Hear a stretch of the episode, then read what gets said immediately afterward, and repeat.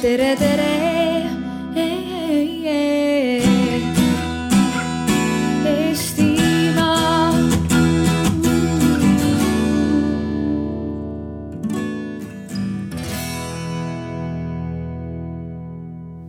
Hello, everyone. I think we're ready to go. Uh, since this uh, discussion is going to take place in English, I'm going to start off speaking English. I hope uh, you're, you're comfortable with that. Uh, just a disclaimer uh, if you want to participate in a discussion but are not comfortable asking questions in English in public, you can sort of uh, make yourself heard in Estonian as well, and I'll do my best to translate but if your question or comment is too long, then that probably won't fly. So try to get out of your comfort zone. Uh, but you have the option of uh, using a translator. And I'd like to welcome you to the, this. It's not a panel, it's more like a discussion. Uh, the topic uh, or heading of which is uh, strategic state governance, the game without development plans. Uh, with this provocative subtitle of uh, to One Estonia versus Scotland. Um, and uh, this uh, discussion here is being organized by the Estonian Cooperation Assembly.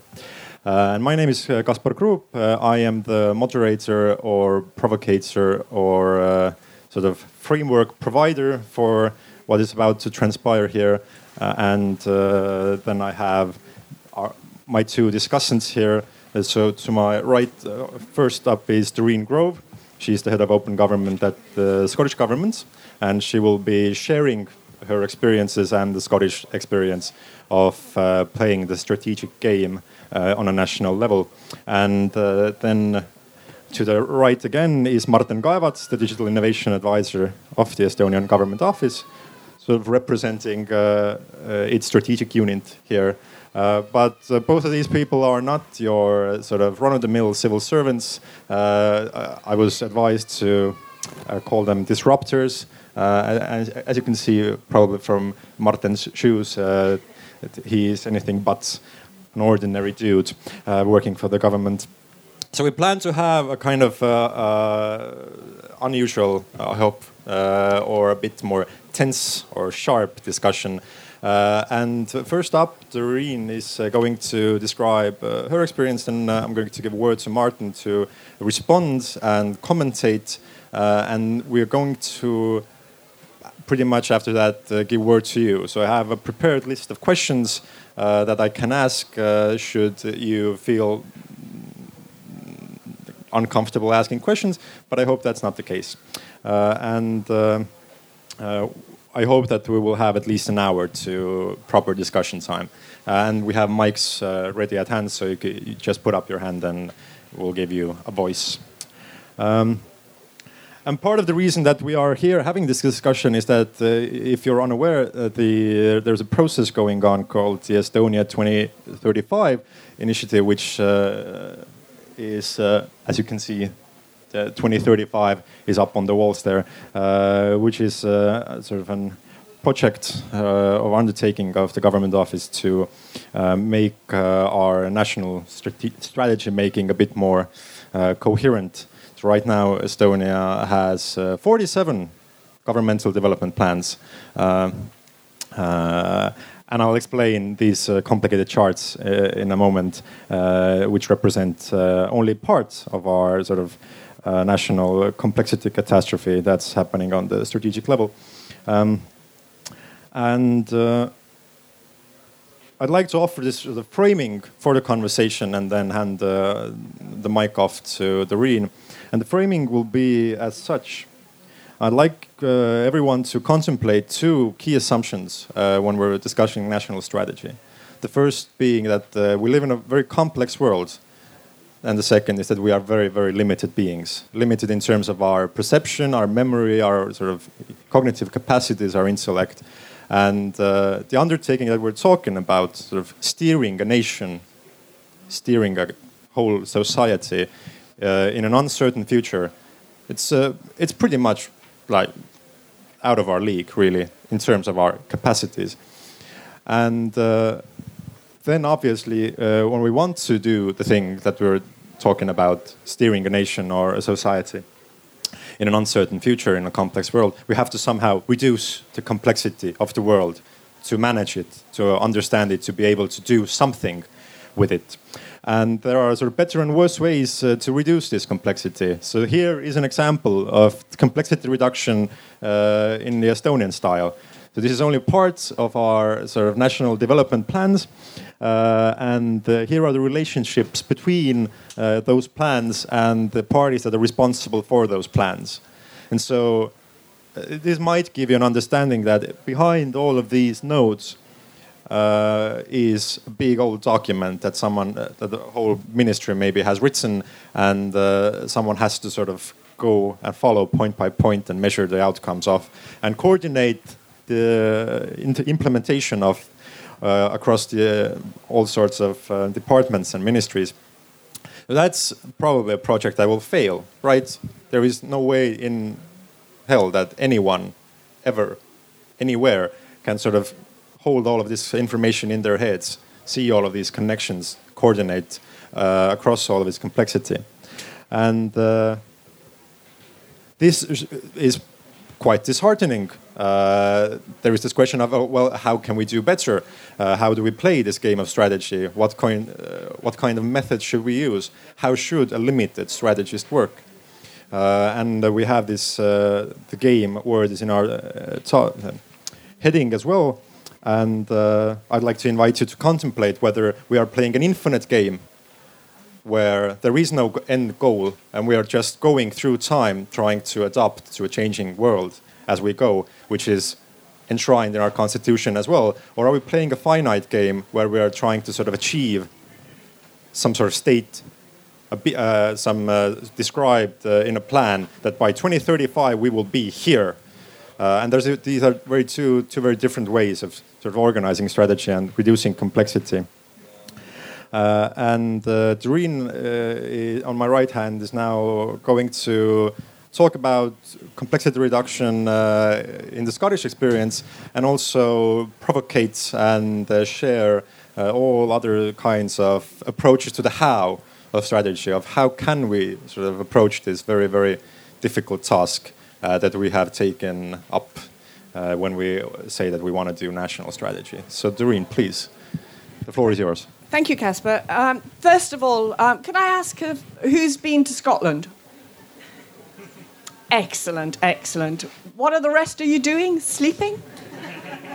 Um, it is a really wonderful place. Um, uh, how many of you know anything about the history? Oh, well done.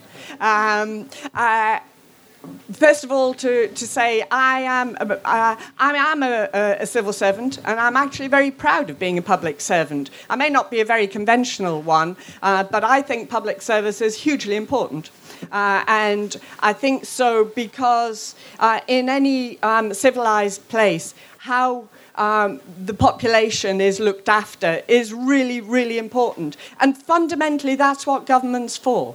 Uh, it's not there for political ends, it's not there for uh, any other way other than making sure the life of the people uh, who live in your place. Um, uh, have a good life uh, and do it in the best way possible. Uh, what I'm going to do very briefly um, is to um, give you a little bit of a history lesson. I'm sorry if you invite a historian, you get a history lesson. Um, uh, uh, Scotland had um, has had its own parliament for the last 20 years, thereby. Um, we got devolution from the United Kingdom Parliament um, at the point that we had a, a left leaning, arguably, government, a Tony Blair government, um, who was interested in the idea of more local um, localization and more uh, local governance. The parliament, as it was set up, was designed always to be a coalition. They didn't want too much power in Scotland. Um, so the idea w- w- uh, was um, we have a voting system which has um, proportional representation, uh, which is good. Uh, but the, the idea of that was that it would um, almost certainly end up with a, a, coalition government. And that played out for our first two parliaments. Um, so from 2000 um, uh, up to uh, uh about 2007, we had two coalition governments. Now, in the first one, those of you who, who have lived under coalitions will know that what that means is, is politicians have to pay each other back. Um, so the first one was great we had a program for government uh, that could be delivered. Uh, that w- that uh, the public services could look at and say, yeah, that's a kind of direction of travel. We understand that. Uh, but by the second one, uh, we had a, a, a huge um, program for government of sort of 500 ideas and bits of legislation or bits of projects um, that w- was proposed. The head of the, the civil service um, tried to make sense of that. Um, and persuaded um, the, the next government, uh, because that idea of a coalition uh, didn't really work. Um, so in 2007, we got a, uh, a Scottish National Party, but as a minority government came in as a minority government and um, wanted uh, to be seen as, um, doesn't sound very ambitious, but they wanted to be seen as competent. It was really important uh, to them that, uh, that as a government they could take on the role uh, of being a competent government and delivering public services effectively. Um, uh, and that's not necessarily um, uh, the efficiency that I, I, gather is a, uh, is a great um, driver in Estonia, much more about effective. Uh, being a trusted government was really important um, to this new government. Uh, the, the, head of the public service looked around the world to see um, two things. Uh, one is um, how you could get a direction of travel that people would understand, uh, and uh, a way of limiting uh, the nonsense of having a program for government that was undeliverable. So, a set of things um, that people would be able to come in behind um, and see as the things that they wanted um, Scotland to be like. Um, so our first uh, national performance framework uh, was established 10 years ago. Uh, it had uh, a single purpose um, for the country that was around inclus- inclusive growth, uh, and it, it, had 15 national outcomes. Um, and they were the things that you would imagine. They were around health, they were around education, uh, around the environment, um, all of the big issues. Um, but each of these had indicators behind them um, so that the public could track progress of government the, the National Performance Framework was established um, as the single direction of travel for all public services in Scotland. And you can see this framework, and you can ha- we can have uh, handouts. Uh, this is the refreshed one. I'll come to that in two seconds. Um, uh, the first one was written by um, half a dozen guys in a smoke filled room, um, so it wasn't very participative, it was very good. Um, and it did um, pick up on the, um, uh, the tone of uh, how people wanted Scotland to be. But it wasn't uh, a participative process. The next big thing that happened uh, was the financial crash, and I'm sure that affected Estonia much as it affected um, uh, Scotland. And one of the things that um, happened then was we um, that same government established uh, a commission to look at the reform of public services. Uh, and I, I, don't have a copy of that, but if you Google the Christie Commission, um, it would come up. Uh, and that was a, a member of the um, uh, Trades Union Congress in Scotland. Um, who look, went around uh, and took his commission out of Edinburgh uh, and went round Scotland, talked to people, um, talked to civil servants, um, talked to people who are delivering public services, uh, and ask them uh, what mattered uh, and how you would reform public services in ways that got um, better outcomes. So, not about um, necessarily about saving money. Of course, there wasn't going to be any more money, um, but uh, the the tone of the conversation was about better lives. Uh, was about using the resources that we had better. Uh, and in a world where it's much easier to count ambulances at the bottom of a cliff rather than the number of people who haven't fallen off the top. Um, they were very brave in suggesting that prevention, so preventing people falling off your cliff, uh, was much more important. Um, that is quite difficult in a, uh, in a world where numbers matter, where you have analysts who are in control uh, of so much of life, where you have people who know the cost of everything and the value of nothing. Um, so this uh, um, was a very brave um, uh, proposal, uh, and the Scottish Government accepted that proposal. So we have a reform programme and a whole department in government looking at reform um, uh, of the public services that ha- um, values uh, partnership. So we recognized we can't do it alone. Government, we're a tiny civil service, 5,000 people um, is all we have in our civil service.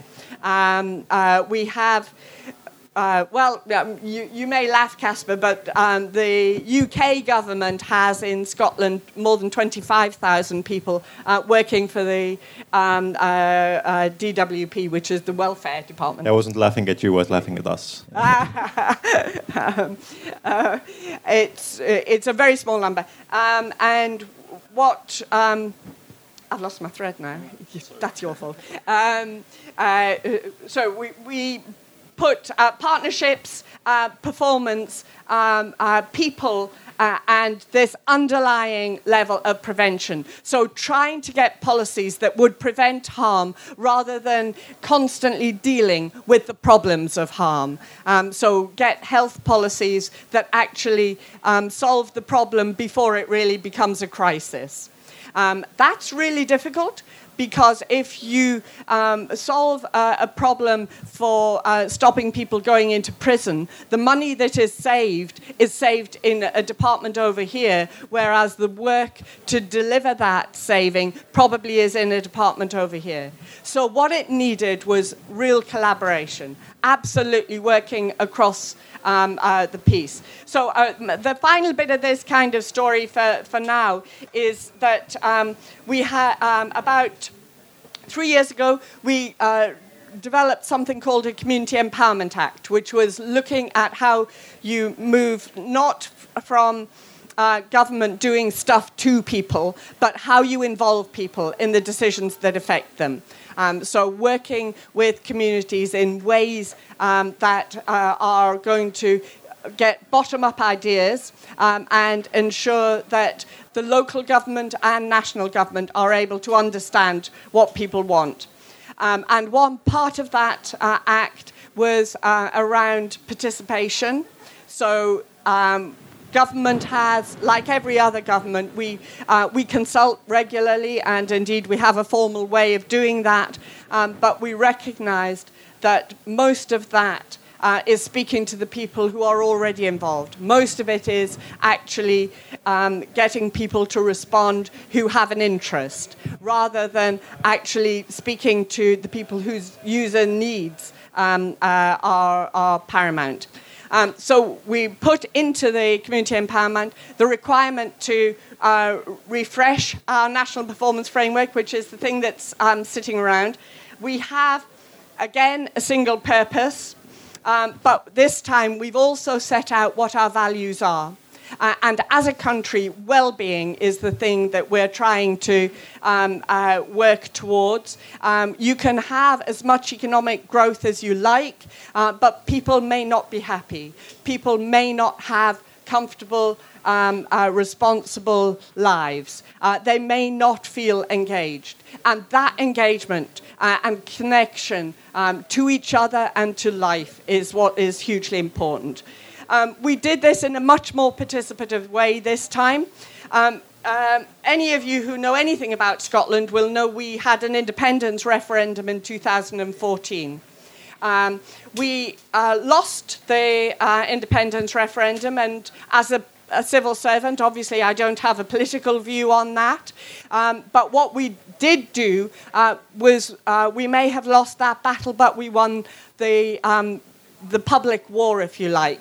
Because the thing that really changed during that debate, unlike the Brexit debate, was that we had genuine discussions around Scotland about the kind of place people wanted to live in.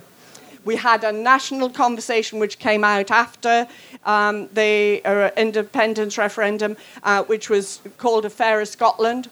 We used deliberative techniques. Uh, we used online techniques. We used almost every method we could think of to ask people in all sorts of places uh, what a fairer Scotland would look like, how that social justice that we tell ourselves um, is what we want to see. Um, Scotland sees itself as much more of a Nordic country um, uh, than uh, perhaps the, um, uh, the rest of the UK. It doesn't play out if you look at, at the statistics from our national surveys doesn't matter.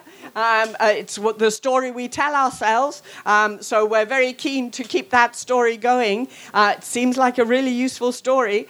Um, and interestingly, I, have just heard uh, in a, a, discussion over in one of the tents over there um, uh, about the levels of trust in the Baltic countries. Um, uh, and Estonia ha- seems to have a much higher level of trust in government than um, most of the other Baltic states. Well done, guys. Um, uh, I think that's really important.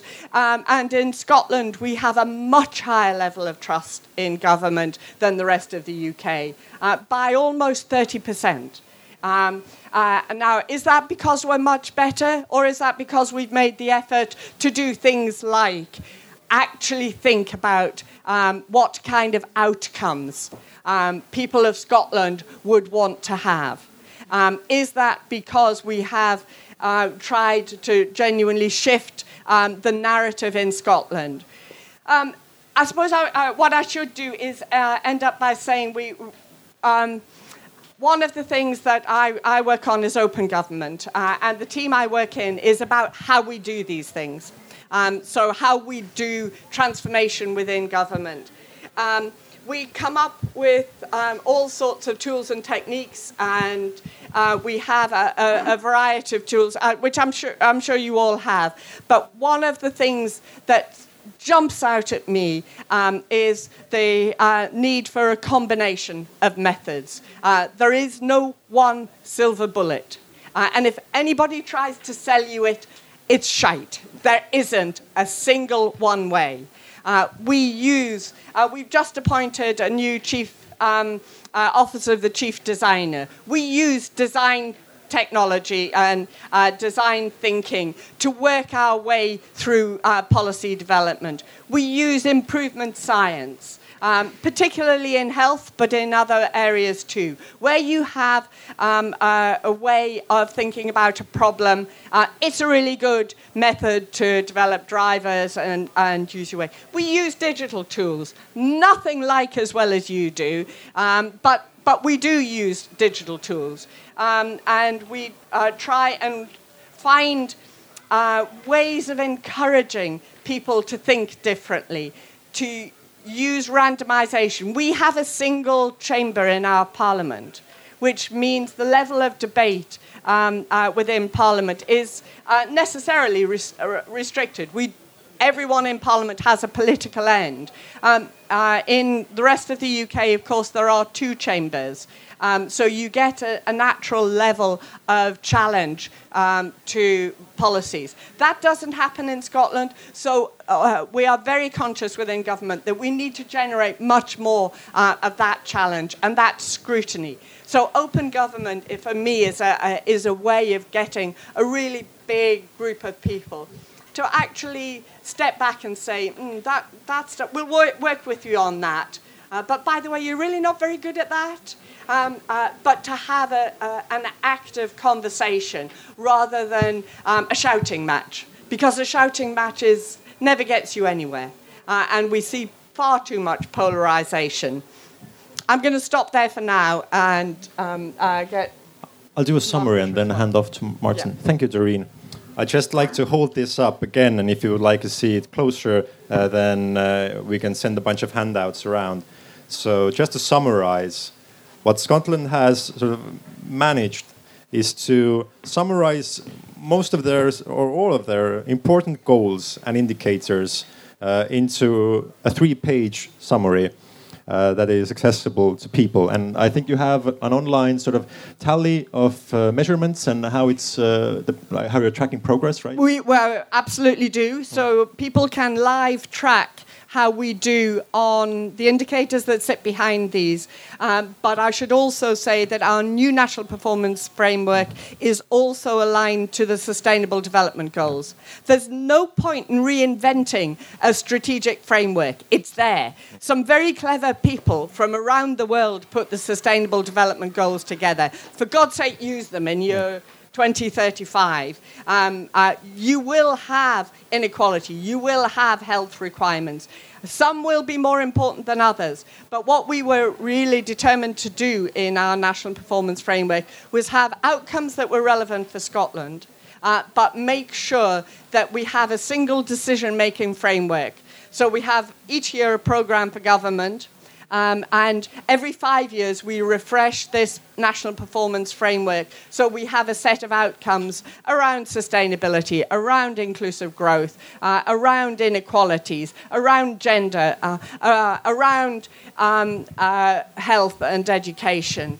But we also um, uh, then, whatever goes into our program for government needs to have a line of sight through from the programme of government through to the national performance framework and through to how we are delivering the national the sustainable development goals in 2030 um, uh, if you don't do that you end up with this sort of thing. And I have to say, you, are kicking yourselves really way too hard because um, I could do that too. Uh, every single one of our, our um, uh, organizations has their own strategy. But the thing we require uh, is that they have these strategies and that they are relevant to this.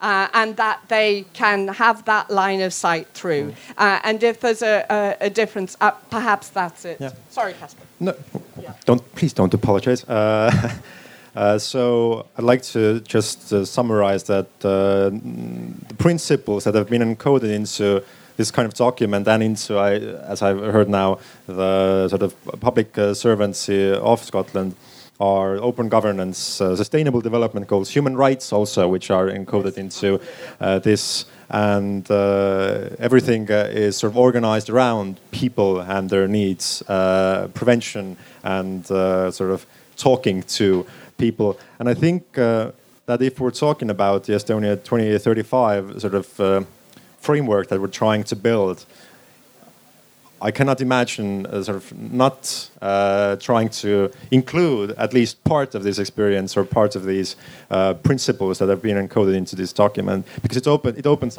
up so much sort of uh, more possibilities to do things that probably Martin will talk about now, like uh, uh, do projects or initiatives from the public sphere that cross disciplinary boundaries or department boundaries, right? So this uh, here kind of breaks apart uh, boundaries that would maybe stop a ministry from effectively uh, holding an initiative on spatial planning or any other horizontal topic that sort of slices and breaks apart uh, silos.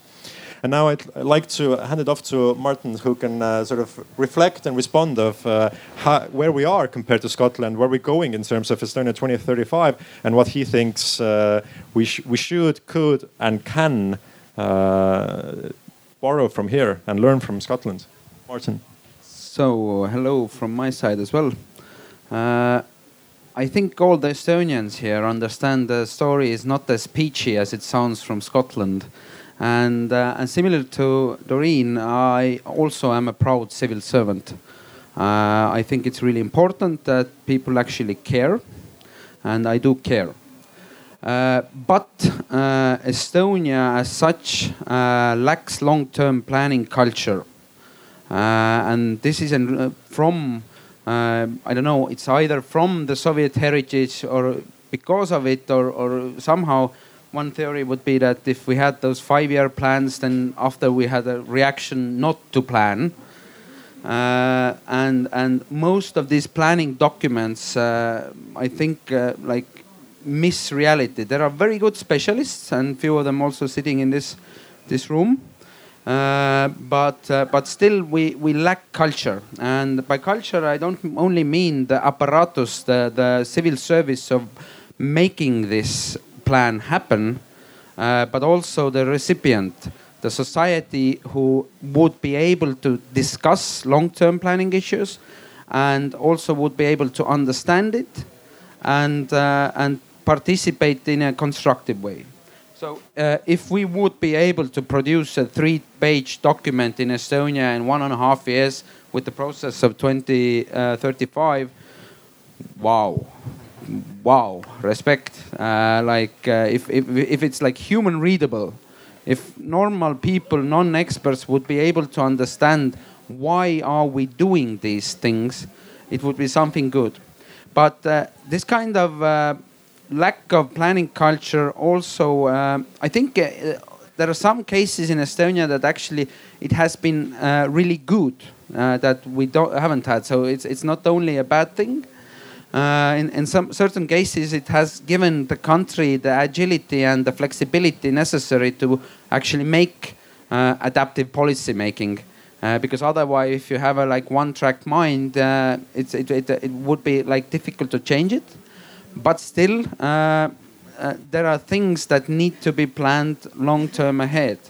And, and the problems again rise uh, when, uh, even if you write something down, that does not necessarily mean that something happens. Uh, like, for example, there's one person in this room who's been promoting like strategic planning uh, thanks to railway corridors and probably this has been in all of the different documents that railway corridors are, are important. But what has happened? Nothing has happened. The strategies and the actual implementations, these two things are not linked. The finances are not linked. Uh, you might write something to a document that does not necessarily mean that it ends up in the same direction. Uh, all of the planning is tactical in certain cases, uh, it's uh, it's actually good. Uh, it has given a value its own. Like looking at, for example, cities in Tal- in Estonia, like for example Tallinn, the spatial planning. I think the eclecticism actually is a value of its own. But still, in certain areas, we need some sort of a master plan, like a vision thing. Uh, and and I'm has been I have been educated as an architect, city planner, uh, and and also as there are planners in the uh, audience as well. Uh, the problem is that we do have those documents, uh, like like for example, spatial planning as a horizontal topic uh, is is one very good example. But the problem is that the uh, general plan of Estonia, this is a historic, not the future document. Uh, it looks at history and not the future. There are few subjects there that actually do look at the future, uh, building a tunnel to Helsinki, for example. But for example, uh, nobody actually were planning to have a, a, Rail Baltica corridor already. Like we could have done that 15 years ago. Uh, and then we still did this corridor with, with very, very strange nuances. Uh, with with lots of different aspects. The general plan basically legitimizes the different uh, decisions made in detailed plans, and thus it does not work with the future; it works with the past. But uh, in this context of lacking long-term planning culture, we actually need to uh, start developing it further, and this is a strategical communication issue. Just as uh, Doreen mentioned, uh, in Estonian civil sector, uh, like the the there is a very like most Estonians probably know it quite well. there are there are two different words. There is consultation or kaasamine, and there is participation or osalemine. if if if civil servants actually want to get uh, this uh, tick in the box that they have done their consultation and, and they're like legit now, it actually does not mean anything. That's total bullshit. Uh, and, and this culture is enrooted very deeply in the civil sector and, and changing that in a system of uh, very strong inertia is very, very difficult. And that's why I'm hoping and I'm pushing for that, that this 2035 process uh, possibly could be something different to be a kind of a lighthouse project in terms of uh, strategic planning, because uh, I think we also we need case studies that we can show that things can be different, uh, and uh, and making yet another document in Estonia, which usually revolves around all the 20 usual suspects who anyway come around the table and discuss these issues. Everybody knows everybody's agenda everywhere because they've been like friends for a long time, or at least co-workers or something. Uh, we need to make these common goals actually uh, communicatable in a way that non-experts would understand it. And this is, I think, one of the biggest uh, obstacles that also the language uh, that we use uh, in terms of communicating long-term goals or why we do things. Uh, it's in a, uh, when civil servant talks about it, then they sound like a bureaucrat. Mm. Uh, and whenever anybody who might not, who, who, who, who is either just thinking or talking about those things, then the usual reflection is you sound like a politician.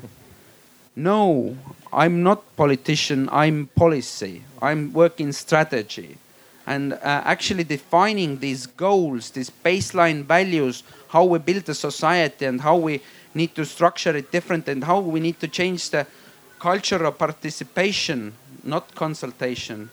Uh, we need to do that, and uh, and but we need to do that in a way that like like the context they've been talking about like technological changes and and uh, lots of different stuff. In the next 10 years lots of stuff will kick in that will radically change our society and our interactions between humans and and uh, the environment. And uh, and uh, we need to be adaptable. Uh, i don't know. My problem is that i smoke cigarettes. Mm making that individual change uh, within me is very difficult to change. But building a society that's constantly adaptable and open minded and uh, bold, trying out new things, that's basically, I feel, as the only resilient strategy against the unknown of the future. But how do we do that in a culture that is enrooted in uh, Anton Hansen Tammsaare? Tee tööd ja siis tuleb ka armastus or uh, work hard and probably love will come -hmm. not probably but something. And also also this kind of uh, culture that we have to kind of suffer. We also have to enjoy it. Can i ask you a question martin? Yeah.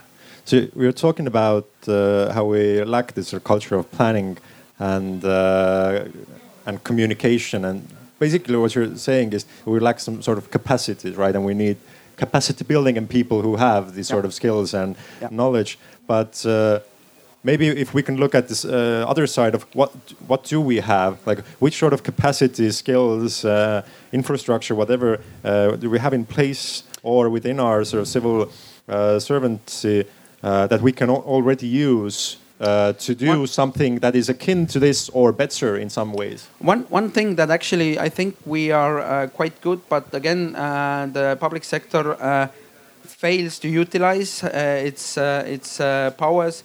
I think we have grown in the last ten years a fairly strong civil society. If we take from from instance from the cleanup action to the um, tal- mõttetalgud or thinking uh, or, or this festival here. In the next last 10 years, the conversation culture has uh, evolved quite rapidly, and the network of people actually organizing this kind of discussions. There have been a lot, like I know at least three quite good processes of vision generating uh, that have actually uh, been actual participation, and people have been sincerely interested what people might think of the future. But most of the public sector uh, thing is still about just consulting and not participating. Uh, but but still, we actually have the networks uh, like. Uh, Arengufond did uh, a vision a uh, long time ago, and, and, and other other documents that actually ask the people sincerely that how and what and when, and and thus developing the culture, but also we do have those networks. We need to leverage them in a more efficient way. But the public sector mm, is in certain uh, like uh, one-track uh, setting. It's doing th uh, doing business as usual, which business as usual is that you meet with social partners. Who the fuck are those people? Social partners in Estonia. These people are people who are actually experts and you know them all. Yep. And when you meet social partners, uh, then it's a formal thing that actually does not mean anything because any, everybody knows anybody. But ah, that guy Raivo Vare will talk about tra uh, trains definitely every time trains. He's very stubborn and consistent. Very good. Uh, like everybody knows that. Uh, and, and, and but but uh, But every civil service has that problem. Uh, uh, uh, one of the things that we're all trained to do is be absolutely brilliant in a crisis. Um, civil service, wherever it is, is brilliant at the immediate and uh, crisis. Longer term planning is much more difficult, not least because we live within a political cycle. Um, uh, I don't know what your political cycle is, but ours is five years. Um, and you, there, there is the potential for change at that point. and as a civil servant, you um, move to the new political flavour. Um, uh, in Scotland, we've had a level of stability. Uh, so we've had a, a SNP, a Scottish National Party government for the last 10 years. Um, so uh, that brings strength uh, in that it, it's bring, brought a level of, of, stability. But it also means there, there are um, less new, exciting ideas coming along. Yeah. So you, are, you have time to do this sort of thing. Um, uh, the techniques, I, I, I, was just going to um, very quickly say, we're not the only one to have done this. Um, and Slovenia recently have done it, and actually done it in a, uh, I would argue, a rather better way than Scotland did.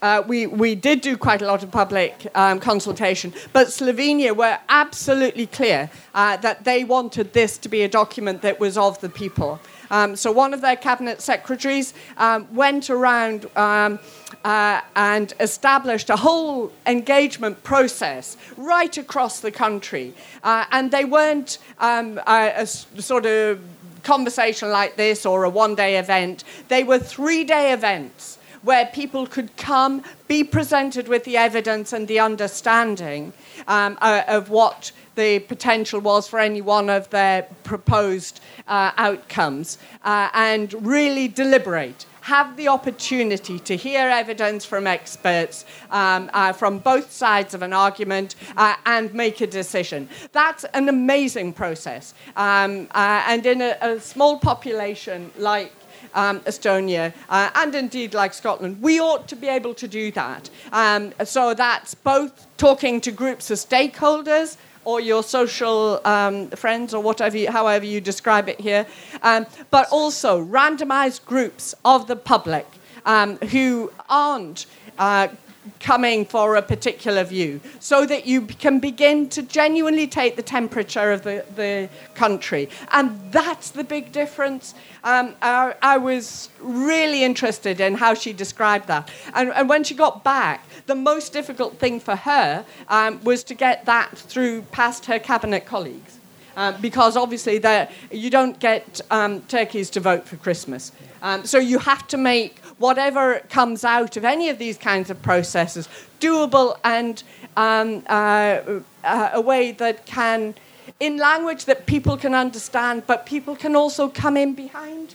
Okay. It, yeah. For, for me, uh, a reflection on that is that I think this kind of paper, uh, uh, the problem is that uh, these kind of papers need to stay alive so that they're constantly changing and like it's it's a constant process. Yes, you will have a deadline of finishing a piece of document at one point, but uh, still it's important to understand that you can actually oversee it every once in a while, and it's a, like a constant process of building culture. Uh, the Estonian current uh, status quo basically takes uh, the deadline, it's official, it's stamped, it's put into a drawer, it stays there Okay. It actually does not reflect anywhere later on. I'm going to cut you off now. I'm keeping time here, and we're right on schedule. So uh, yeah, and we already have hands. Uh, so right, you've heard uh, the Scottish experience and a reflection uh, from the Estonian perspective on uh, what we could learn from that and what's uh, what's what. And the first hand was from there. Now we can have a proper discussion. From, uh, the girl with the thing, uh, yeah. Uh, so you can ask questions. You can uh, provide your own opinions, and Doreen and Martin will jump in and uh, react. So as they've been instructed to. So uh, we'll just see where this goes now, and what your feelings and thoughts are on what you've heard so far, and how we can drive or steer a nation in an uncertain future. Please. All right. Um, if you're saying that civil servants are so excellent at crisis, why aren't all problems solved as if they are a crisis or when they are at crisis? Maybe that would be a more, um, maybe that would be a better strategy. That's a brilliant question. Um, I, I, didn't say they were good at it. I said they enjoy a crisis. Um, uh, they respond to a crisis because they respond to the immediate. Um, though actually, you find that a real crisis generally is solved, um, but it, it, it's solved to the point that it comes off the front of a newspaper. Mm-hmm. Okay, Martin, do you have anything on that? No. No. no. Okay, next question, please. Um, or I've, opinion. I have two questions. I think the first one's for Martin. Um, Estonia has crafted this narrative of creating a digital society, one that's actually like quite robust and you know, even as an outsider looking in, I, I, I am quite envious of in, in several aspects. And it, it with uh, the digital society, there's some like accolades and also like 99% of like public services are online, whatnot.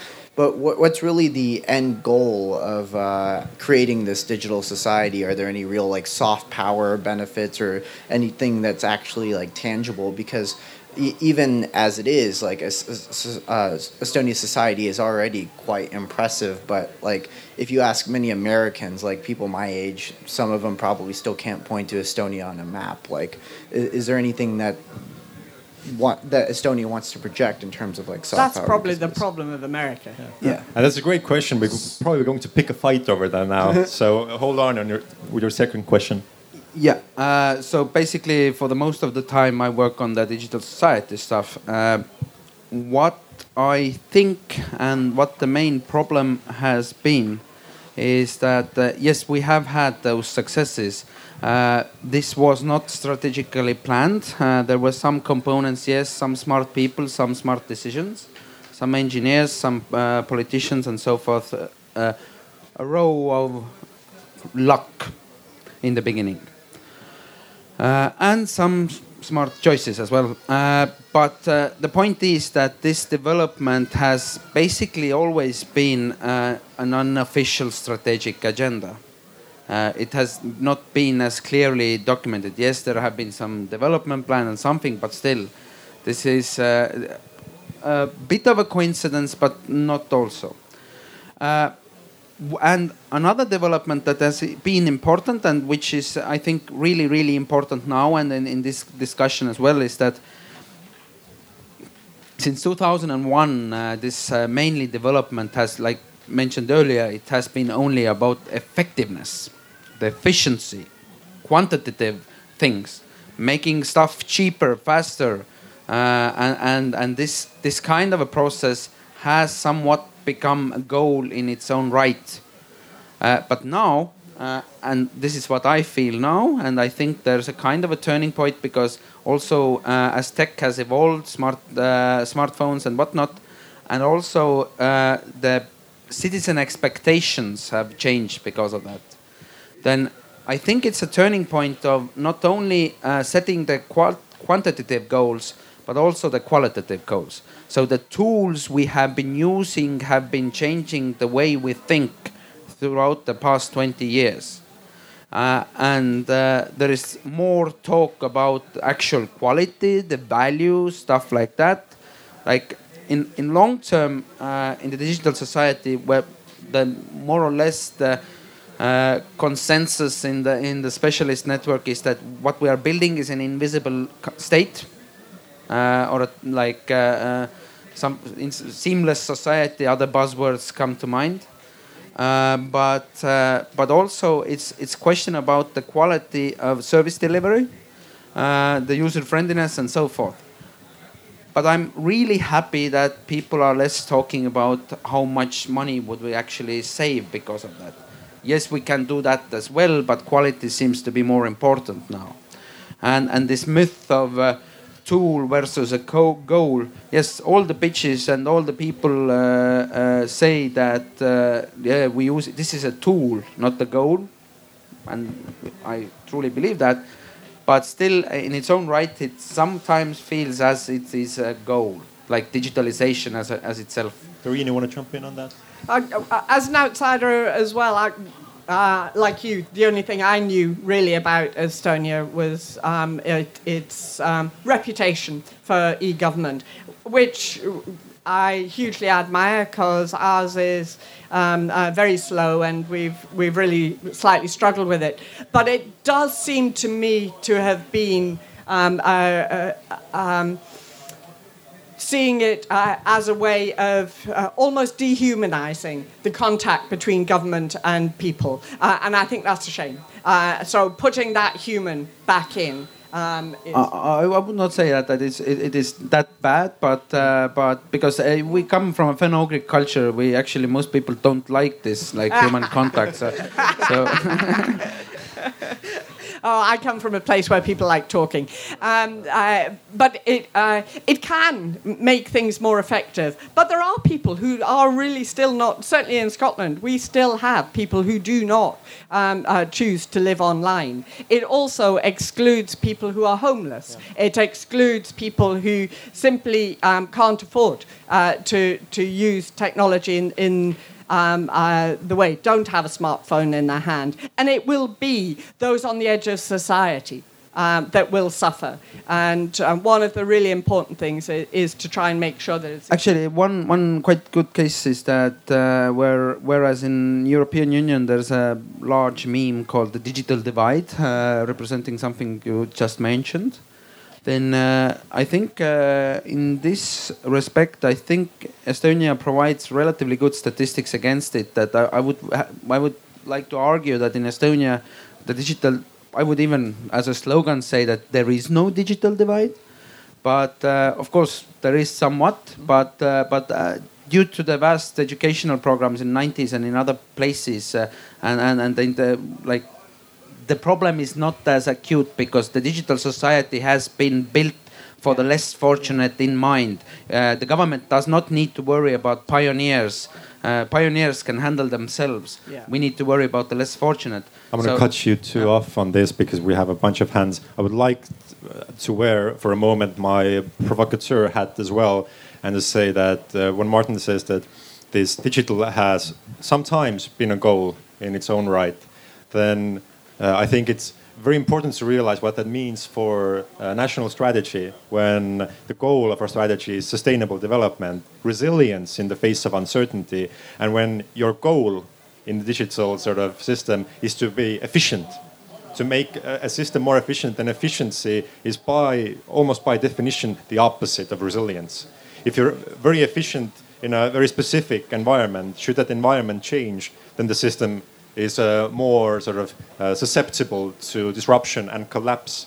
And that's an important thing that we need to realize in Estonia is that we can use our digital tools to build resilience, but if we only push it for efficiency, so pa being paperless, everything has to be online, then we might actually shoot ourselves in the leg uh, in terms of our ability to adapt in the future. Yeah, but you had a second question, and then we have three there. So yeah, I'll try to make this one yeah. quick. Um, generally, you identified uh, some of this as a uh, cultural barrier about like long-term planning, but to like what degree is this actually based off of like uh, political capital? Because like a lot of long-term planning is very uh, unpopular sometimes because it can be expensive or uh, some people don't tend to see the the need f- or uh, the immediate need right for this. Uh, in like the U.S., we generally put like our long-term planning into like big omnibus bills and just pass them through. Uh, th- that doesn't seem to be the case in Estonia. It seems to be like you guys uh, have a goal in mind and then t- try to work backwards. I mean, thinking specifically about like e-residency 2.0 that was something that was just put out there and now there's no actual plan for what e-residency 2.0 is going to be but there is supposed to be something a product by 2020 right or 2022 or something like that uh, I think, uh, like, a question about political capital for me, it's uh, uh, the lack of long-term planning still is uh, basically because we lack uh, this. This the roots come from the lack of cooperation between different people. And if we talk about long-term planning, this is about uh, this is above party like uh, numbers. This is something that everybody should like agree upon in as Estonians, not as party members or what somewhat. So I think the main problem is the the cooperation culture. Uh, so uh, this is the the people who are organizing this tent. Uh, they they are promoting cooperation, but there's a lot of work to, to be done in that domain, and and uh, politicians as well. Uh, with politicians, the system and the problem is the length of the election cycle. They they they tend not think much further. Doreen, do you want to jump in on that as well? Because the political issue, as we discussed earlier, uh, has been kind of approached differently in Scotland via, via legislation also. Yeah, I, I, think both for Scotland and for um, Slovenia, it proved important to actually get that long term planning cycle into legislation. Um, so the requirement for this, and not for for it not to be something that sits on a shelf and uh, isn't looked at again, uh, is in our Community Empowerment Act, um, and every single Parliament has to have uh, a national performance framework, but it has to be reviewed.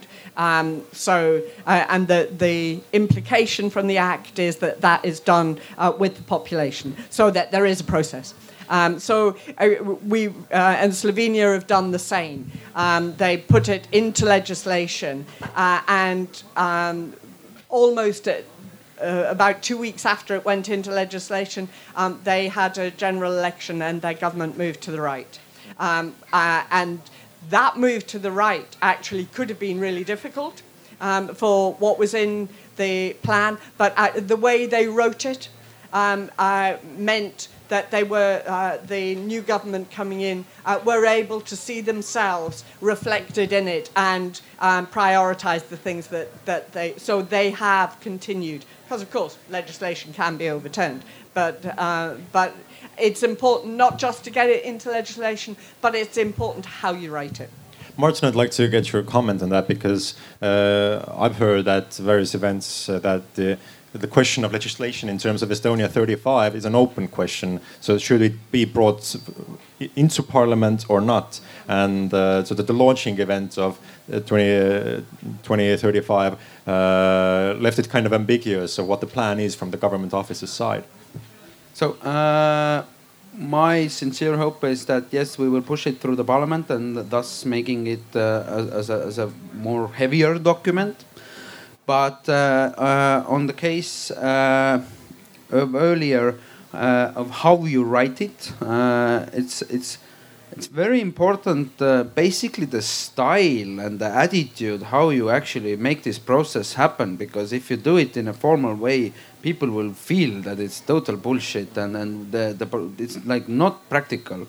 Uh, so you need to be sincere. You need to be empathic I think the three months of summer, the great summer we've had here, actually has taught the Finno-Ugrians uh, like the empathy and and and uh, being in the moment and stuff like that, which is actually really really important. And uh, coming here with the, with this discussion, it's I think it's important that like I'm hoping that at least all of you are more or less there. Taylor is writing something, but everybody else is not that much looking at the phones or something but uh, but uh, we need to have this presence uh, in in the moment, but also in the official culture, and and making that change happen is is really really difficult because if if anybody has been in in, in, in a participatory meeting of whatever a planning issue or any other meeting, it's it's due to total formal stupidity, which actually is not practical. Can I give you a, a kind of example? Uh, na- our national performance framework has one of our outcomes is we grow up loved, uh, and getting the word love into a UK document is pretty challenging. Uh, we grow up loved, safe, and respected so that we realize our full potential. Now, yesterday morning before I left uh, on my disastrous trip to get here. Um, I was at a meeting of all of the senior grown ups in Scottish Government who were listening to uh, a presentation by um, somebody called Fiona Duncan, who has been writing um, uh, or doing a review of children in care. Uh, so children whose parents are the state, they're looked after children. Um, and she uh, said, said, some really harrowing things. Uh, but the whole process of her review has been done with children. So she has a board, and half of that is children uh, who are in care uh, and the other half are people um, who have expertise in order to help. She is doing it entirely by listening to children. She's under huge pressure to do it quickly because there are some significant uh, issues, um, but she's absolutely going at the speed that she can have that conversation in a trusted place and way with the children. Um, so one of the, the things she she um, she told several stories, but one of them was about a um, a, a, small girl who um, she'd had really long discussions with her. Her parents had been abusing her, and in the end, she'd been taken away from um, home and she'd been in care for about um, four years. And this girl was only about eight. Um, and Fiona saw her again at another um, event and um, called her by her name. And she said, That's astonishing. How do you know my name? Nobody has known my name since I was taken away from home. I'm a file for people. Uh, and so Fiona, um, I, of course I know your name, uh, uh, but in her way of working, um, she's absolutely making her review uh, ensure that children who are in care grow up loved, safe, and respected. And that is what she's going to deliver. Um, is a, a, a, system that takes the fear of public servants who are trying to do the right thing. People don't go into this to be bad or to be wrong. Um, they, but they are afraid of um, health and safety, they're afraid of privacy laws, they're afraid, uh, and that plays out uh, in um, behavior that is not as empathetic and not a, as um, just as human uh, as you would to your own family. Um, so uh, uh, I just wanted to use that as an example of how actually really absolutely to the people who matter on the ground. Um, uh, the performance framework isn't something that's sitting on a shelf. It is actually going to be used. I think that's that's quite profound, and uh, probably you might agree. Uh, uh, the three points of first, you have love in a national document, and that would be.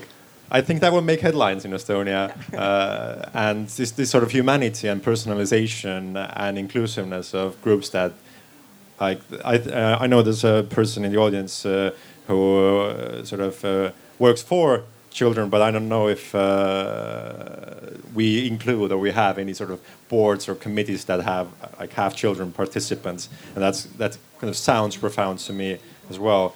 Uh, but we have two more people waiting for a long time now, so. well, thank you very much, and thanks for sharing your views on uh, planning and en public engagement. Just to make a full disclosure, I haven't worked for the strategy office that uh, Martin represents here myself, and uh, being in, uh, involved both in planning, strategic planning, and, and public engagement practices, um, sort of trying to introduce them to the public sector. And um, just to share a couple of observations and perhaps to follow it with a question as well to Doreen.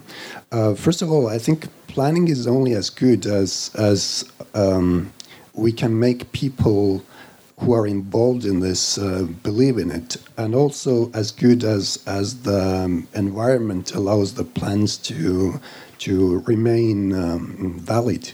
So in many ways, I think the Estonian um, example is that uh, the environment is such uh, changing so rapidly that in many cases the plans when they get adopted are already obsolete. So in that sense i like very much the strategic performance framework because that seems to be a fairly high level of robust. So in other words you don't need to change it uh, um, every second year or so. And i think that brings us back to the um, to the difference in the political systems because obviously when you have not just um, every fourth year the new government also, but also in between with different counterparts who may change the course uh, quite uh, rapidly, then obviously the plans cannot remain the same. So, in that sense, all these long term, hard worked uh, plans become obsolete very, very soon. And that, I guess, necess- necessitates also to, to keep it more robust. And, and that's very much why this sort of system seems to be great. But to follow that with a question, I think we you touched upon the, the, the differences um, in political system in Scotland and Estonia already, but still, I'm, I'm curious how did you get the politicians interested and involved, or how did you get the buy in? Because I think we, in many cases, have observed that. You know, we as civil servants can agree on many things. We can try to involve the general public and, and stakeholders, but then you have these bloody politicians who don't believe in it, and they don't want to, you know, make any long-term commitments, and they don't want to sign the things that uh, that we think are good. So I wonder, how did you do it? Thank you. Um, I, I, think every uh, every civil servant would recognise the frustration uh, of. Um, uh, uh, any democracy has uh, elected politicians and um, uh, a civil service that's working alongside. Um, to a degree, uh, the Scottish situation um, is helped by the fact we have a reforming government. There is, they came in with an agenda to reform. Uh, and to uh, be part of that narrative of Scotland wanting to be a progressive place, uh, wanting to be seen on the international stage, uh, and wanting um, uh, also being sort of egalitarian. Um, that is a, a, is a story we tell ourselves, uh, and we have a government that wants to see that happen. Um, it isn't for me as a civil servant, or indeed for you, I'm sure, um, to tell our politicians what to do. Um, but uh, but there are ways uh, of presenting information to ministers that um, make them see the benefit of this. Um, and uh, in something like the Sustainable Development Goals, our First Minister was one of the first international leaders to say, actually, uh, this isn't just about international development as the Millennium Goals were, uh, and we have poverty in Scotland. We will apply them domestically. Um, so that you know, I, I, it wasn't difficult for us then to say, well, actually, if you're going to do that, we'll do it this way. Um, so, uh, very, it's a bit, uh, and culture eats strategy for breakfast anyway. Um, so it's having a, culture of wanting to do things. Um, and uh, make no mistake, I am quite an unusual uh, public servant. You would get most of my colleagues um, uh, would have real hesitation in suggesting something unusual to a minister. Um, but they're, they're, the um, IndyRef experience uh, of the response from the population was so marked um, and was so recognizable um, that politicians said, oh, you know, actually, that's really helpful. We'll have a bit of that.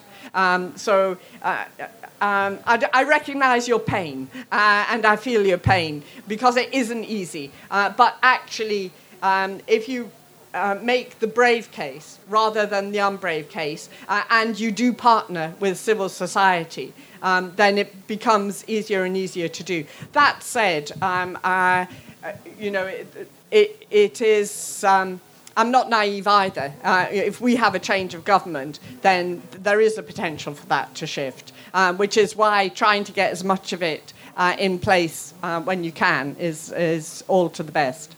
I would like to one, invite one, uh, one comment, yeah. one comment on that side as well. Uh, uh, well, one thing that uh, Estonia is actually quite quite hard currently working on, and I know that this is an old thing. Like experts and civil servants have been uh, thinking and working on it for years and years, but it's basically uh, uh data-based policy decision making.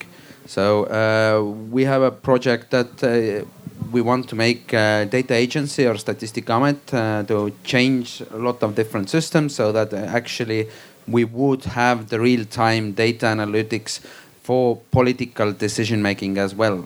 Um, I'm I actually I am in high hopes that it will uh, at least begin to change the culture uh, of how to actually get the politicians on board. Uh, because if, if they, they, they are on a discussion in the in the coalition agreement, for example, uh, which they do the most important treaty, strategical treaty, uh, they do in like one and a half, two weeks. That is stupid. Uh, they would actually have some better uh, data analytics next to it, and, and I'm, I'm hoping that if we start this uh, run, and hopefully by next coalition agreement we will have the first pilot phase. Uh, it will start to uh, begin to change this culture. It won't change it immediately. Uh, it will take a long time. But if if I can tell uh, the prime minister, like, look, look, here are the options. Like this seems to be the best one, uh, but it's up to you. then uh, based on data, on on different, I don't know, infrastructure investment or whatnot, which I think most decision making currently is done like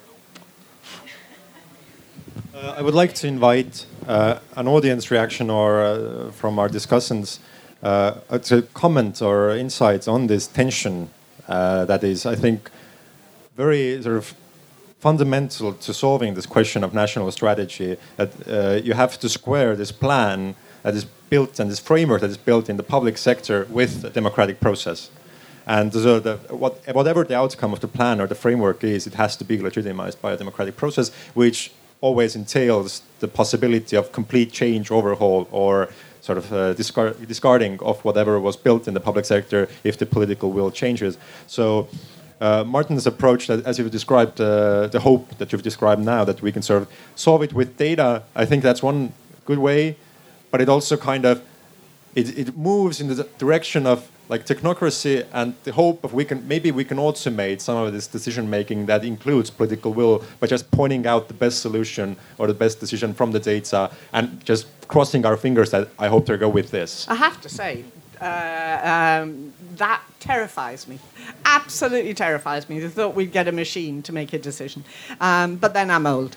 Uh, what uh, uh but what I do really do agree with you on is that information is power. Uh, and if, if we as government hold on to information and don't share that, how on earth could we expect people to be informed uh, about the issues we're trying to get, have a conversation about. Really, really important um, that data, uh, and, and I don't see data as any different from information uh, whether it's information on paper or, or, information that comes in some uh, magic code that I don't understand. Um, uh, one of the other things I was just going to answer your question with is uh, we do have a bit of an initiative to try and um, uh, get uh, public service to work differently. and we have a, um, a fire starter festival, which um, is in January and um, is about people in public service looking at different ways of doing things. Um, so, uh, trying to really think about um, what kind of tools and methods and uh, ways of working with the public to try and uh, really shift the ground. Because once there's an energy behind that, uh, and once politicians see that um, different ways of working actually has benefits. And, you know, if you look at something like participatory budgeting, in the countries where it, was first put in place, uh, and it was required by the World Bank to solve corruption, um, actually, the end result of that um, was you ended up with the politicians who were forced um, to take it on uh, and did so very reluctantly, were uh, recognized that, that that engagement with the public actually got them re-elected. Um, so that participatory processes um, support representative democracy. They're not in contest with it. Okay. We have a question that's been waiting here for a long time now. So it's about the Scottish plan. So it's very clever. It's a round shape, which means you don't know where it starts, uh, which means that how do you deal with these situations where you have two conflicting goals? Let's say you want economic growth, but it might mess up your environment, which are both your values. So how do you choose? Because if you look at the sustainable development goals, economic growth become, is much higher than environment. Um, uh, it's very deliberate that it's round, uh, and the that uh, is a tension that is so in every single conversation. That, that tension between economic growth and um, uh, not just the environment, but also the well being of your people. Um, so, you know, if you um, build tanks for war, uh, you'll, you'll have much greater GDP, but it's not really helping anyone to do anything. Um, so the, the, we are very conscious of that, and as I say, it was very deliberate um, that you, you as a, a, final decision maker have to balance these things. Um, we uh, um, absolutely ha- always talk about uh, growth uh, being inclusive, so leaving nobody behind uh, and being sustainable. Uh, and we do that deliberately. Uh, and one of the things that actually I know Estonia are doing, and we're not as far ahead as you, uh, is thinking about how all of these frameworks align with the financial decision making. Um, and if you're going to make change, that actually has to happen. Uh, because you, if you're um, looking at creating your next budget, you need to be able to understand what impact it's having um, on uh, this. Uh, New Zealand at the moment um, are drafting uh, uh, their budget, and it, the um, Prime Minister has declared that it will be a well-being budget. Um, so she uh, intends to be tested on whether the policies that they are putting money alongside uh, will improve the well-being of the people of New Zealand. Uh, we have a question here uh, in the front. I wanted to make a comment, but I forgot what the comment was, so I'll take your question now. Yeah. In reference to the, the previous discussion, uh, it was my understanding that Estonia's problem is not coming up with these uh, long term ideas or solutions, it's the execution, right? So, does it really matter if it's data driven, politically driven, or democratically driven? Uh, how can Estonia solve this like execution problem uh, and actually put these like long-term plans into effect like who who in politics should be driving this or should it be you know citizen driven or etc and then the uh, another like follow-up question is the uh, like in your uh, beginning monologue you identified that there are some things that we should probably uh, uh, do long-term planning for and some things that we should just uh, uh, go off of a whim and uh, see where they go? Like, how do we identify which solutions should be long term and which ones should be step by step? So, uh, in the Estonian society, there actually have been uh, several different people uh, suggesting different solutions. Uh, one of them by Raidla basically suggests something like um, changing some administrative structures, but basically putting a bunch of enlightened people in one room uh, next to the prime minister, and then uh, basically it could possibly solve something. Uh, I am actually not the like. I, I understand the logic, uh, but uh, I think uh, when that's why I talk about long-term planning culture and not like bureaucracy or whatever. Culture is wider. Uh, culture is about so that yes, we do need some form of um, organization to maintain uh, the processes, but culture is actually creating a wider impact. And in Estonia, the administrative culture is decentralized, so each each house has this, their own powers and rights and whatnot, and and it sometimes is a problem, but in terms of long term, I think it's resilient. So we don't need like central planning, like in most cases.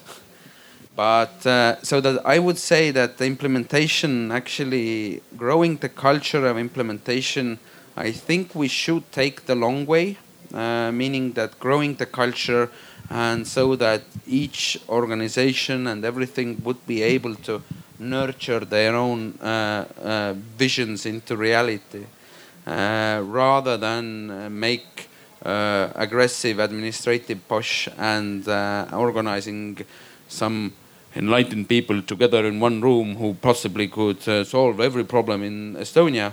I don't believe in that. Uh, but we do need some sort of concentration, but uh, we need uh, acknowledgement of these issues. And I think that if you look at the public debates in media or or or, or in or in saunas or kitchens, then for me it's very strange that I there are very few people who actually get long term. actually, people don't. I I have this feeling. Maybe I'm subjective, but but uh, we people tend to overestimate the long uh, shorter years. We we think that different technological gadgetry coming up in the next years will do wonders, but we tend to underestimate the long term effects. Uh, like if you look like from 10 years like if you look 2008 like stuff was really different and we did not imagine that we would be here. Uh, but people like uh, 10 years ago would not able. But now the problem is that the rate of change is going faster and faster. This 10 years uh, the next 10 years will be like like done in five or something like that and, and, and the changes are more radical. Every day we will have a steam machine soon, which will completely uh, radically change our interactions with the society. So we need to build a culture of adaptiveness rather than having a centralized committee to do the planning for everybody. Doreen, do you want to respond? Uh, yeah, I, I, um, when when we were discussing the format for, for this, we had a, a telephone call, the three or four of us, um, and uh, I, I uh, disagreed with what uh, what Kaspar was how he was describing strategy, and I said, well, no, it's just a plan, but actually. Uh, I, I, still think that. Um, but, but in fact, what our national performance framework is, it isn't actually a plan. Uh, it's a set of outcomes. Um, and what we want is people in Scotland to, um, to, to be able to say in five years' time uh, that they feel as if we respect, protect, uh, and fulfill human rights. We um, live as communities that are inclusive, empowered, and resilient. Um, this isn't a plan of how you get there. Uh, and we expect that every bit of public service that is using public money um, thinks about their job uh, and can demonstrate how they're going to do that. Um, so uh, um, it has to be adaptive, and absolutely, uh, you know, none of us saw Brexit coming, and I don't care who tells you they did, they bloody didn't. Um, and we've all had to adapt for it. Uh, our, the UK Parliament and the Scottish Parliament are, you know, their heads are in Brexit the whole time.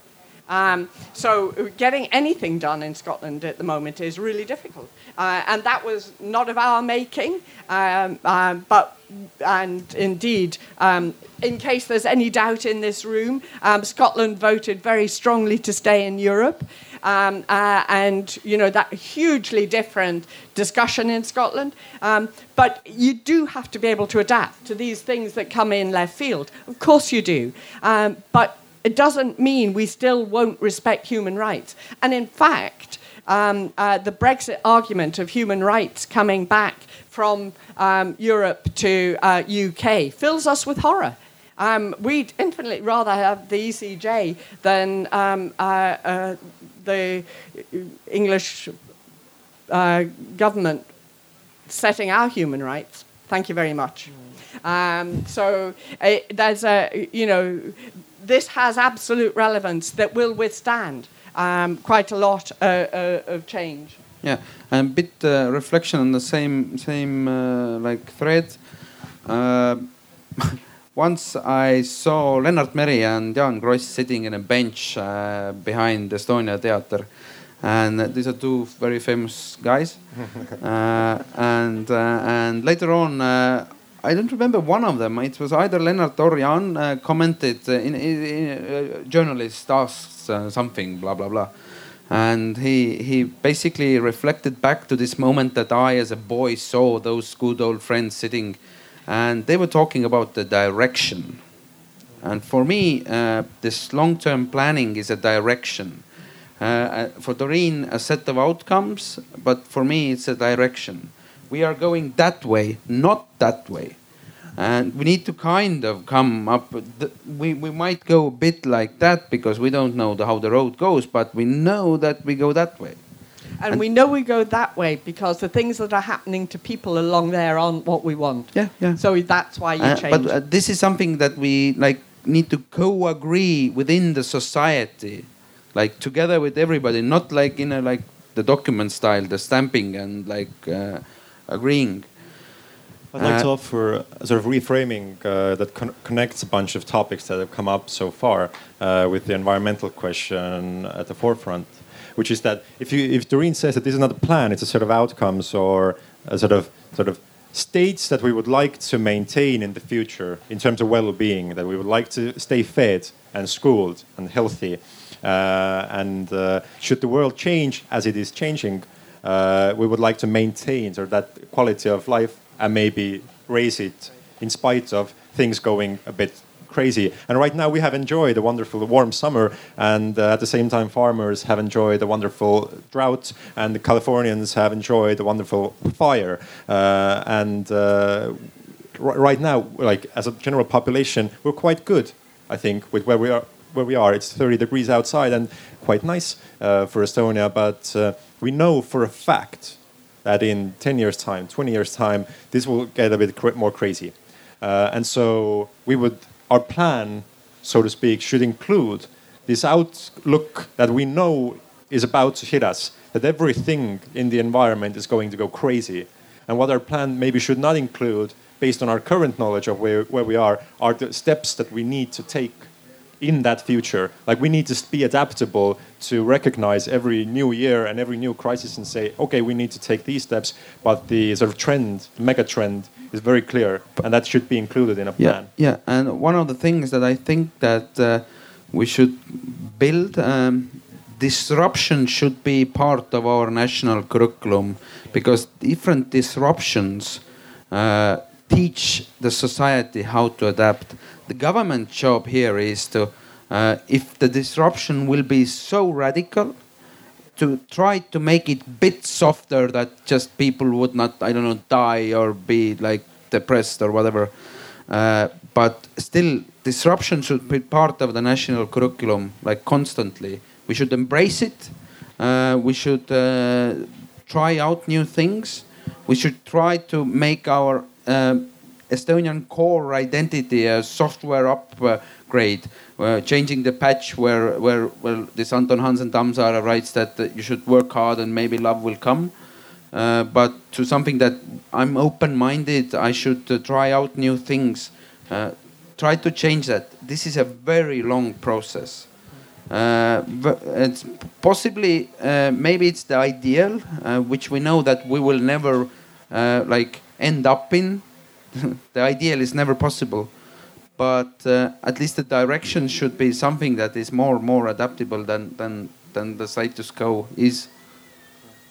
Uh, do we have any burning questions? Because I have a question written down that is kind of a bit more specific than uh, maybe the direction we took right now, and uh, it touches upon the Scottish experience in a sort of critical manner, and then maybe it would inform our Estonian situation with the Estonia 2035 sort of outlook, which is uh, crossing the national and local divide and sort of vertical alignment with planning. Because I read a report on Scotland that says that this is a bit kind of messy right now on how to keep uh, sort of the local levels uh, informed, included uh, sort of in the process, and sort of you get their buy-in, not just uh, through coercion but through participation, and uh, how we're approaching the issue with uh, the 2035 uh, project.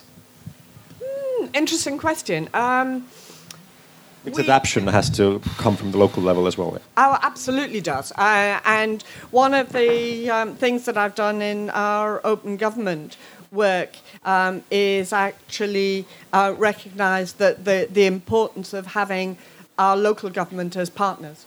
Um, so uh, we have a local government organisation called COSLA, and they're now partnering us in thinking about um, how you get effective commitments for open government um, right through the system. Um, our local government uh, system, uh, we um, when when we power transferred to Scotland, um, uh, we spent quite a lot of time arguing about that um, relationship. Um, uh, but we put in place a, a, a single funding um, arrangement. So rather than having ring fence bits of money that we give to uh, local authorities, there was a, a, a, concordat between central and local government um, around the direction of travel. So around uh, our national performance framework, um, but uh, not uh, trying to restrict the number of places where we say you have to do this and it has to be this colour and it has to be this long, um, uh, and making that decision much more local. Um, and uh, that uh, we probably were not as effective as I would have liked to have been um, in the discussions with local authorities around the development of the current refreshed um, program, and we will change that next time. Uh, they have now accepted it and are part of the, will be part of the implementation um, of it. So um, uh, it, it's variable uh, because you have uh, different, uh, obviously different um, political uh, councils ar- around the country, though there are quite a um, uh, there's quite a, a, a, way of keeping the discussion going through COSLA, which is uh, their organisation. Uh, there is another organisation actually that helps with the leadership of um, how we get change and how we make it happen, and it's called the Scottish Leaders Forum. Um, which is all the uh, le- um, uh, leaders of Scottish public bodies, um, so things that are set up by Parliament. Um, uh, that might be our environmental organisations, it might be our um, councils, it might be um, health organisations. Uh, all, all of those chief execs come together um, uh, once or twice a year to talk about the really big issues uh, and to think about how they uh, get change to happen. Um, so that is another kind of process. And that was put in place because the last head of the civil service came from England and people kept telling him Scotland was small enough to get everybody in one room. And it really hacked him off, so he thought he'd try. Uh, and actually, it was really useful. Um, so we've kept it going. Martin, will we try, or what's our approach with uh, local national integration with Estonia 2035? What's the outlook? What's your outlook or opinion if there is no official one? uh, there is no official one, probably. Uh, the official text always goes peachy. Everybody will be uh, participating in this process. But uh, actually, uh, uh, currently, my personal opinion is I'm not sure that this will happen. like, actually, I'm working hard so that it would. Uh, but uh, basically, I would still refer back to the very broad and general talk I've been pushing the whole discussion that it's a cultural issue, mm. because Estonia is still embedded in silos. Uh, and all the different ministries plus the different like municipal and central government levels they all consider each other as opponents rather than working in the same team because this is very strange because for a, for a, for a citizen citizen does not usually think it like it, everything everything the, it's, it's it's a government. It doesn't like distinguish local or or central or or whatever. I understand the principle but uh, still it's it's uh, it's something uh, that uh, that that is actually it's it's one team. Yes there is some decision making differences and whatever but it's not the opponents. But changing that uh, needs to happen, and it won't happen, of course, during this process. Uh, but I, I hope that we can actually at least show that we can bridge this gap in a in a different style, in a different attitude and way. But uh, but well, let's see. Yeah. One of one of the things I would um, uh, say is I, am a very simple human being. I, I don't like complexity. Uh, and it seems to me everything happens somewhere. Um, so, how you think about place, whether your place is your street, or whether your place is your town, or whether it, it is uh, an issue that means your place is your state. Um, uh, there are all sorts of levels, and, and most people can think about the difference between those. Um, and most people care about. Um, uh, you know, uh, in Scotland, we've had an issue around fracking, so um, unconventional oil and gas, and whether we want to knacker our environment in order to have a wee bit more oil. Uh, so that is an issue that re- people really, really care about. Um, so uh, having a, a, a, discussion that involves people, not just those who would be living on top of it, but those who are, who are around it, seemed like a really important thing to do. But it's really difficult politically. Um, so there are there are issues that uh, in a country. Um, I'm sure all of you will have heard about um, the Irish uh, example relatively recently. They just did a really big um, uh, shift uh, referendum on uh, abortion uh, in the country. Uh, now, that came from a participative process. They're, they're, they have a constitutional convention.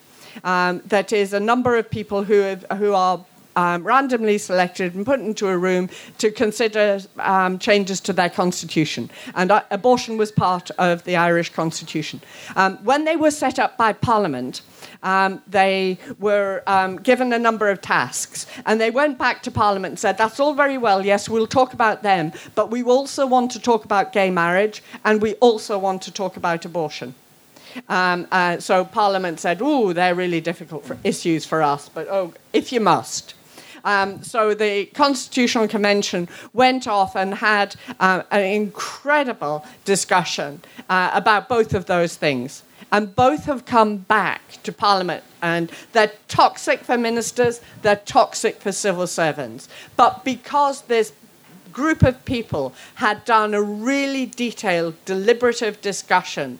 Um, both the politicians and the civil servants were able to say, oh, well, I wouldn't suggest it, but they have.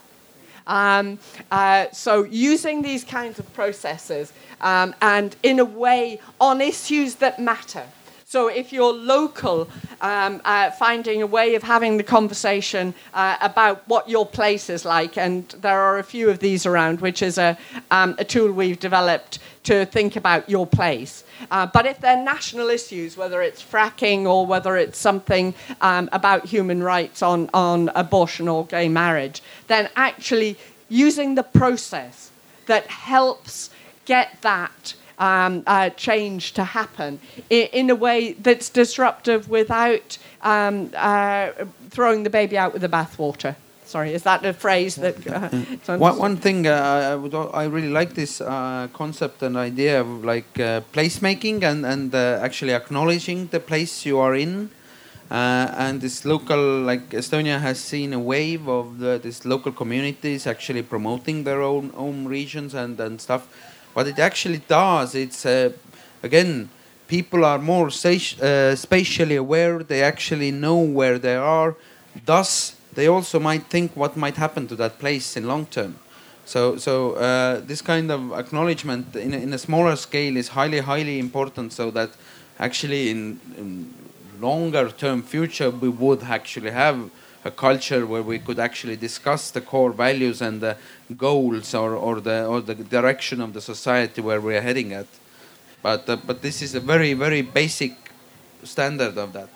I think I think one of the takeaways for the government uh, office from this sh should be uh, if uh, it's true that there is no approach to the national and local sort of integration question, uh, that we have to have one. Because if we're aiming for a 35, then uh, many, many local questions will absolutely become national questions, but they will be, will be localized, uh, like low coastal areas, seawater rise will be impacting Pärnu.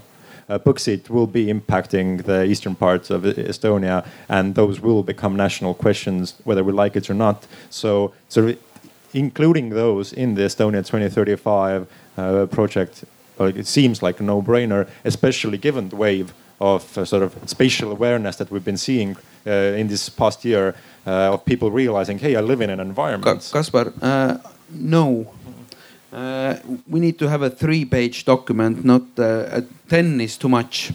Mm-hmm. if we if we put every one of those, I understand that there are issues.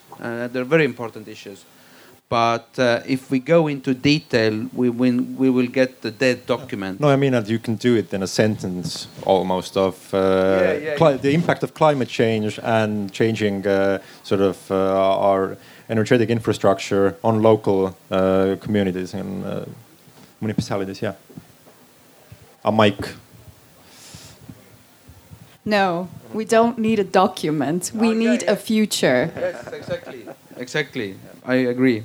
But still, it must be communicatable and short, not like bureaucratic. That was my point. We can take, I think, two more questions, and we're going to wrap in uh, at 50. So uh, we have like seven or eight more minutes.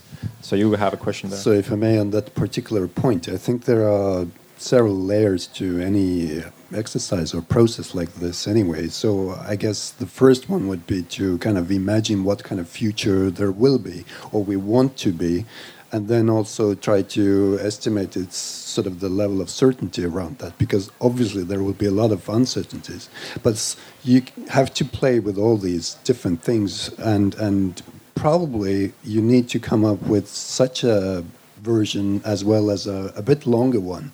So you can't just tell people that these are the these are all great things, right? We all can agree to these, but the thing is, how will you accomplish them? So you need a bit more on that anyway. So I think there's not really a inconsistency there. It's just uh, different levels of communication, I guess. Thanks. yeah. I, I couldn't agree more. And there is a, a implementation team for every one of these, and it includes civil society, local government, and central.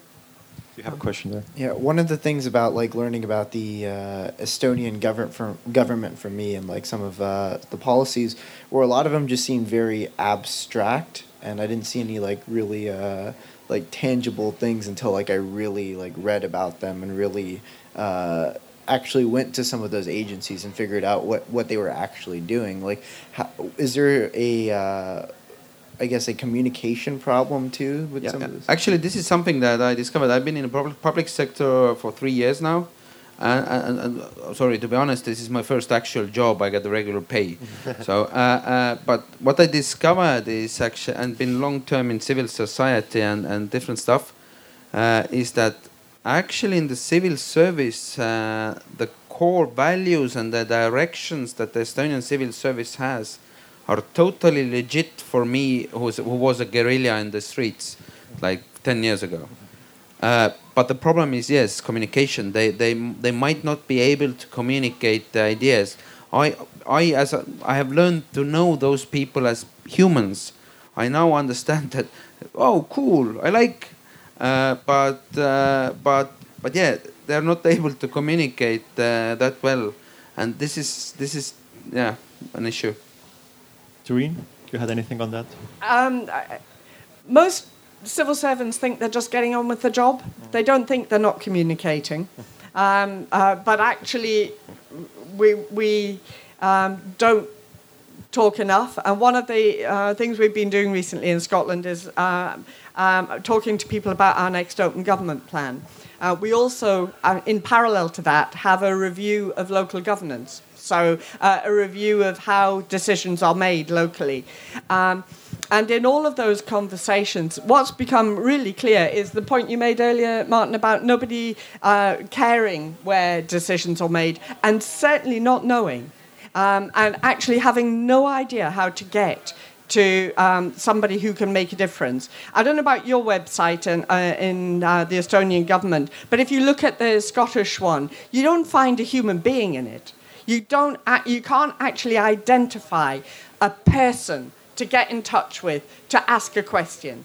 You'll get put through to the right place eventually, um, but that um, humanization of what we do, so being the person um, uh, who can be seen and is there, um, is actually, uh, it doesn't come naturally um, to civil service. Um, I, I actually did a, a, an internal discussion on what open government meant uh, with some of uh, our colleagues. Uh, and at the end of it, um, one of them came up to me and said, I, I don't want to be open.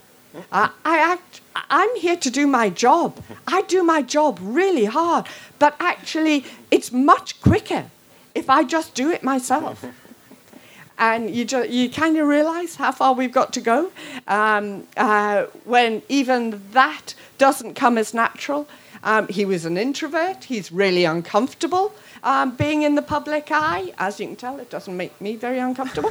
Um, uh, but actually, we have to respect that some people aren't necessarily comfortable with that. So you get the right people in the right places to do the right jobs. Horses for courses. I'd like to, to wrap on a high note, and I haven't seen any uh, hands waving around, so I get to ask the last question. There are a lot of people here in the audience who are not part of the national planning or strategic apparatus here who are just participating and listening. And uh, I'd like maybe to get your sort of inspirational uh, input into this question of like who are the people that the government uh, uh, or public uh, sector should invite into this process uh, of planning and strategy making and implementation. Like, what are their sort of uh, what's their character like? What are their skills like? What are their attitudes? Like, who are the people who currently aren't involved in the public sector who should recognize maybe themselves in your description and go, hey, maybe maybe I might spend uh, two years, five years in the public sector, uh, putting my skills and attitudes uh, into work for the sort of benefits of the whole society. So, what are, what's your take on that, Martin? So, uh, as I have basically uh, been one of those part of a program to adopt new people in the public sector, uh, I, I and I, as I mentioned in earlier, I'm a proud proud civil servant. Uh, we need young people because, like for example. most of the work I do, I do with people who are above my age. I'm 33 now. Uh, with people who are younger than me, it's like no brainer to explain AI, technological change, or self driving cars, or digital society, or whatever, what, uh, which I'm mainly working on. But mostly, I put an effort to uh, basically explaining this nature of change to people who are older than me. Uh, we need young people who actually get it and we need people who, who can make it happen and like everything same same. But to, to make that happen we actually need to change the perception of what public sector is. Uh, the stereotypical vision of a civil servant is not the pretty one uh, gray suit probably a boring guy uh, something something so we need to change that it's actually not that but we can have a longer discussion. As you can that. see uh, in the case of Martin, it is certainly not that always. And Doreen, you can close this off. I make my own dresses, so. um, uh, I'm also, I, I also agree we do need young people to be involved. But actually, I'm not ageist, and not least because I'm immensely old. Um, but but I, I actually think you need a really broad sweep uh, of people, but you need people who are prepared to understand big picture, uh, um, but understand and have empathy with human beings. Um, so it's uh, it's people who are uh, able to be ambitious. There's no point uh, in going into um, government to change things and then just keeping it ticking along. Uh, if you're going to go in as a disruptor, you have to have um, both courage um, because I'm quite often the only person in the room who's saying, Excuse me? Really? Um, uh, and challenge. So being able uh, to have the confidence and the comfort to, to challenge, uh, but to do so from a base of um, uh, really recognizing that government is for people. It isn't there um, to preserve itself um, if it doesn't deliver the things that people need, um, then actually you might as well go home. Um, so having people who have experience uh, of working with poverty, having people who have experience uh, of working in mental health, having people who really understand what it means to, to tackle um, uh, alcohol and drug abuse um, really can help you think through what the, the policy is. So, uh, for, for long term thinking, you need somebody who is prepared to both look backwards, use experience from the past, um, and as a historian, um, I can actually tell you we are collectively shite at learning from the past. We are absolutely appalling. Um, we can see something happening even a couple of years ago and we don't learn from it. Um, so, as human beings, we need to get better at that. Uh, but you shouldn't ever be stuck in the past. Um, the past is where you come from and it's part of your context. Uh, but you need to be looking forward um, and taking your people with you. So uh, it's about having people who are prepared to listen uh, and prepared to really put um, uh, the well being of uh, the population uh, at the front. Now we're going over time, Yeah. so I'm just gonna have to cut this off. I think the sort of First, w- w- one still end note, If you and we must not want. forget why we do it. And for me, it's uh, about building an empathic society, uh, because this is the foundation. We need to work together. So I Uh, hope and So I hope you recognize uh, this uh, notion that uh, for us to realize this 20, 2035 and 2135 after that, uh, uh, we would need to bring more humanity and perspective into the how of uh, national strategy. And so if you recognize yourself in this description, uh, there are people you can contact, uh, talk to Martin. Uh, thank you all for participating and listening. There's a thing starting up here right after now. And so you can stick around or you can enjoy uh, the rest of the festival. And uh, let's give a round of applause for our uh, discussants.